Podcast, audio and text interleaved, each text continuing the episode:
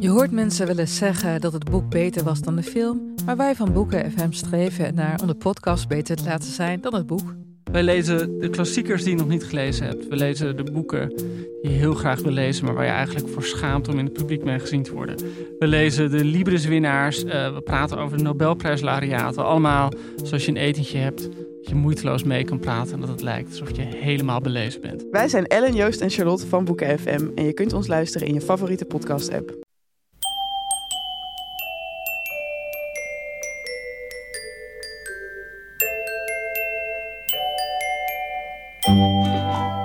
Welkom bij aflevering 434 van Echt Gebeurd, de podcast waarin mensen hun eigen waargebeurde verhalen vertellen.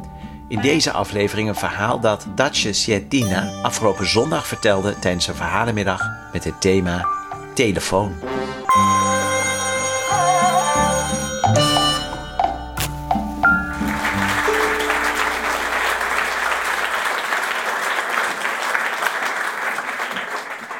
In 96 ging ik verhuizen op mijn achttiende vanuit het klein dorpje dat Kansims heette naar Riga, de hoofdstad van Letland, om journalistiek te studeren. Mijn zeer muzikale nichtjes hadden onderdak aangeboden en ik was super blij mee en vond ik hartstikke lief. Behalve dat ze elke dag oefenden een viool en dat dreef mij tot waanzin. Mijn eigen passie was dus in journalistiek en vooral in criminele wereld, onderwereld in mijn hoofd was super interessant.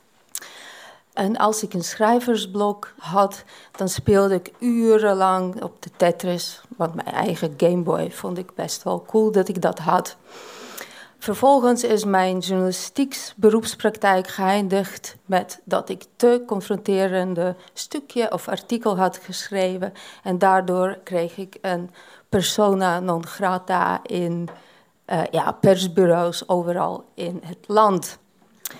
Natuurlijk, toen ik dat hoorde, ik had mijn verdriet zitten hele nacht wegtetrissen. En vervolgens kwam ik tot inzicht dat onderwereld is niet alleen maar in criminele wereld te vinden, maar ook in de opkomende punkscene in Letland. Nou, via via heb ik dus onderzocht waar ze hebben de ontmoetingsplekken. En vervolgens ging het maar rondlopen in het stad. En ik kwam terecht op een plek, een enorme ruimte, waar ik zag twintig jongeren staan, iets doen. Ik had geen idee wat ze zijn aan het doen, met een enorme hanenkammen en veel te strakke broeken en denimjasjes vol met veiligheidsspelden. En uh, ja, ik ging er naartoe en heel zachtjes zei ik, hoi. Iedereen draaide mijn kant op en stemmend knikte. En ik vroeg, ja, jullie zien er zo prachtig uit. Waar krijgen jullie zo een outfit? Die wil ik ook. En zo'n hanekam kan ik het wel ook wel. Ja, vind ik wel interessant. Een meisje, meisje glimlacht en ze nam mijn hand en bracht mij naar een café dat De Grot heette. En eerlijk gezegd, dat zag er ook uit als een grot.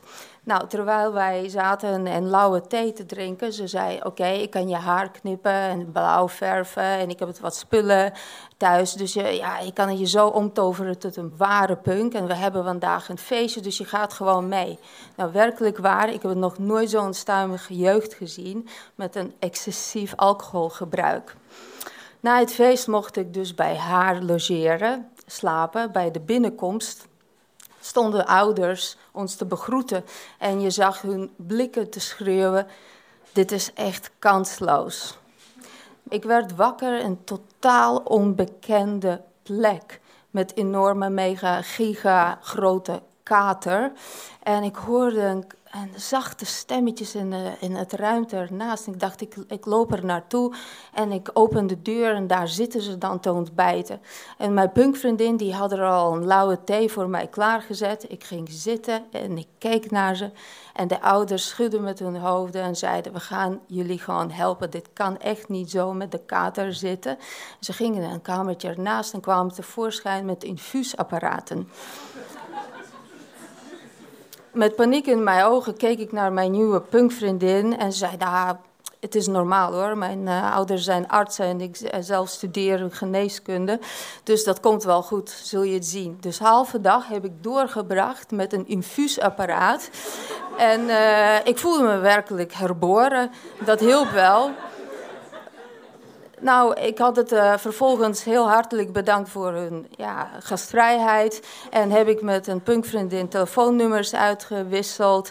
En voordat ik uh, wegging, ze saluteerde mij nog met Punks Never Die.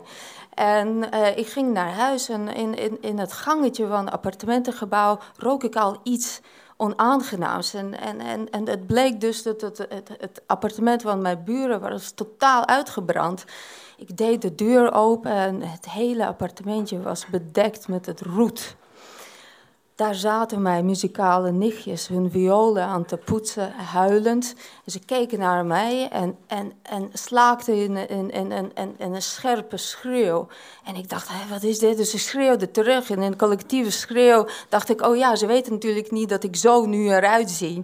En... Uh, uh, op dat moment gaat de telefoon over en uh, mijn nichtje zo afkeurend naar mij kijkt en uh, met een viool in haar hand en met andere handen en met een poetsdoek nog een route afvegen van telefoonhoorn, want dat was met draaibare schijf. vervolgens, het bleek voor mij te zijn. Hallo? Ja, goedemiddag. Dit is het nationale televisieprogramma van LTW 1. U heeft aangemeld voor Op Goed Geluk een programma Goed Geluk. En uh, nou ja, we hebben een match gevonden. Uh, dus u, moet uh, morgen om vier uur langskomen. En dat is het dan. Ik zei, nou, pardon, ik heb er nergens voor aangemeld. Ik, ik, ik kan niet. ik ben een punker nu. Datingshow is gewoon no-go. En zei, nee, niks ervan. Ja, als je niet komt, dan krijg je dikke vette boete. Want we hebben al een match gemaakt, dus jij past er in het profiel. En wij hebben gewoon niemand anders, dus je moet komen. Dag, tot morgen, vier uur. Verbijsterd stond ik daar en ik dacht, nee, mijn hele inspanning voor onderzoek, een punknetwerk opbouwen, infuusapparaat, uh, afgebrand huis, roetbedekte kamer uh, ja, ik kan dat niet maken, ik ga niet. Dus ik belde mijn nieuwe vriendin en ik zei, luister eens even dit en dat. En ze, ze zei, ja, hartstikke leuk, ik ga mee. Dus de volgende dag stonden we daar en helemaal in punk-outfit stonden we bij de ingang van het televisiegebouw. En uh, we werden hartstikke hartelijk uh, ontvangen. En zij zat bij de publiek en vervolgens ik zat bij visagisten. Nou, ze vonden dus dat mijn hanekam moest platgedrukt worden, een blauw haar moest met henna bewerkt worden en een dikke laag make-up en vervolgens een uh, soortgelijke aan, uh, ja, soort letse Carrie Tefsen figuur. Die zei, nou je moet wel uh, iets met de glitter. En heeft mij helemaal omgetoverd, totaal naar iemand anders. En ehm, nou ja, ik keek in de spiegel en ik zag opeens 40-jarige mevrouw terugkijken in plaats van 18-jarige zelf. Nou, op goed geluk was het dus zo dat er drie vrouwen werden opgeroepen. Ik was nummer drie. En ik had besloten, ik ga het meest belachelijke antwoord geven.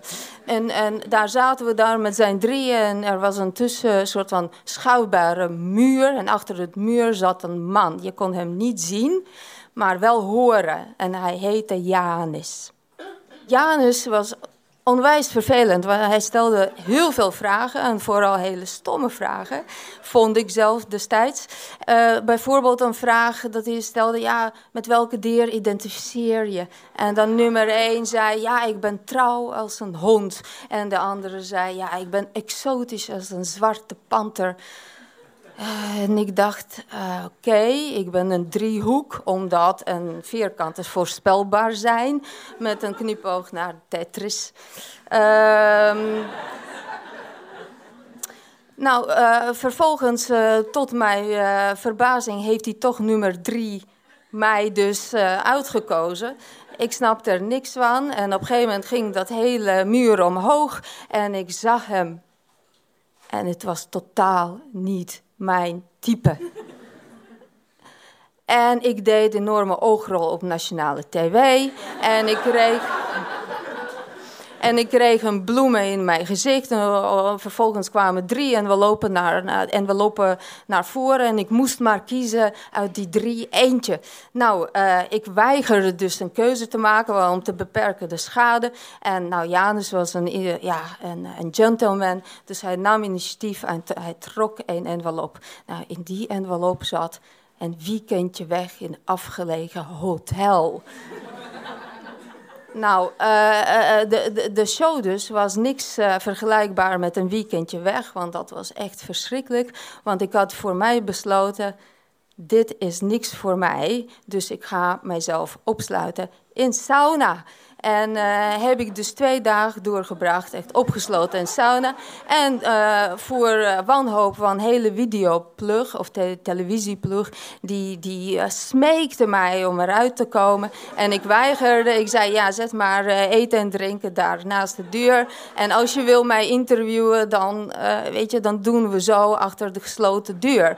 En nou, dat deden ze. En op een gegeven moment met een hele uh, ja, televisieredactie hebben ze besloten dat toch als een follow-up uitzenden.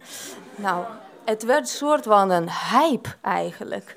Dat, ja, op een gegeven moment, iedereen had het dus gezien. En ook mijn punknetwerk. En ze vonden het fantastisch. Opeens werd ik echt een godin in een, een punkwereld. Want immers, ik had het tegen de gevestigde orde op nationale tv ingegaan. Uh, ja, het was uh, fantastisch. Nou ja, en vervolgens dacht ik, ik ga mijn schade beperken. Ik ga een pager uh, ja, aanschaffen, zodat niemand kan mij bellen. Nou, voor diegene die niet weet wat pager is, het is uh, je spreekt een bericht in, dan, dan komt er eigenlijk naar een schermpje in een bericht, een soort bericht. En dan kan je dat alleen maar lezen, ik kan niet mee bellen, niks. Nou, en een paar dagen later komt een bericht tevoorschijn dat ze ik ben zeer uh, teleurgesteld in jou. Volgende bericht. Ik heb mijn best gedaan voor jou een fatsoenlijke man te vinden.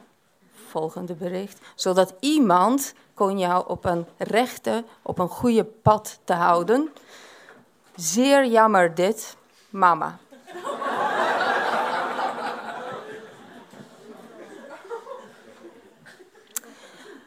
Nou, mijn uh, punkvriendin is nog steeds mijn beste vriendin. Zij heeft een facelift studio in Ierland.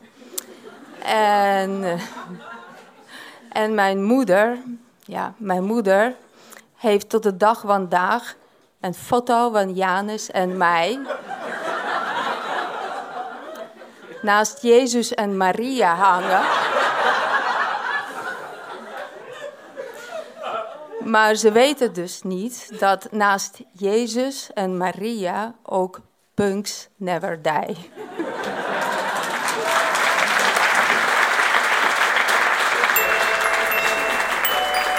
Dat was Dacia Sietina met een verhaal dat ze afgelopen zondag vertelde in Comedy Club Toemler in Amsterdam.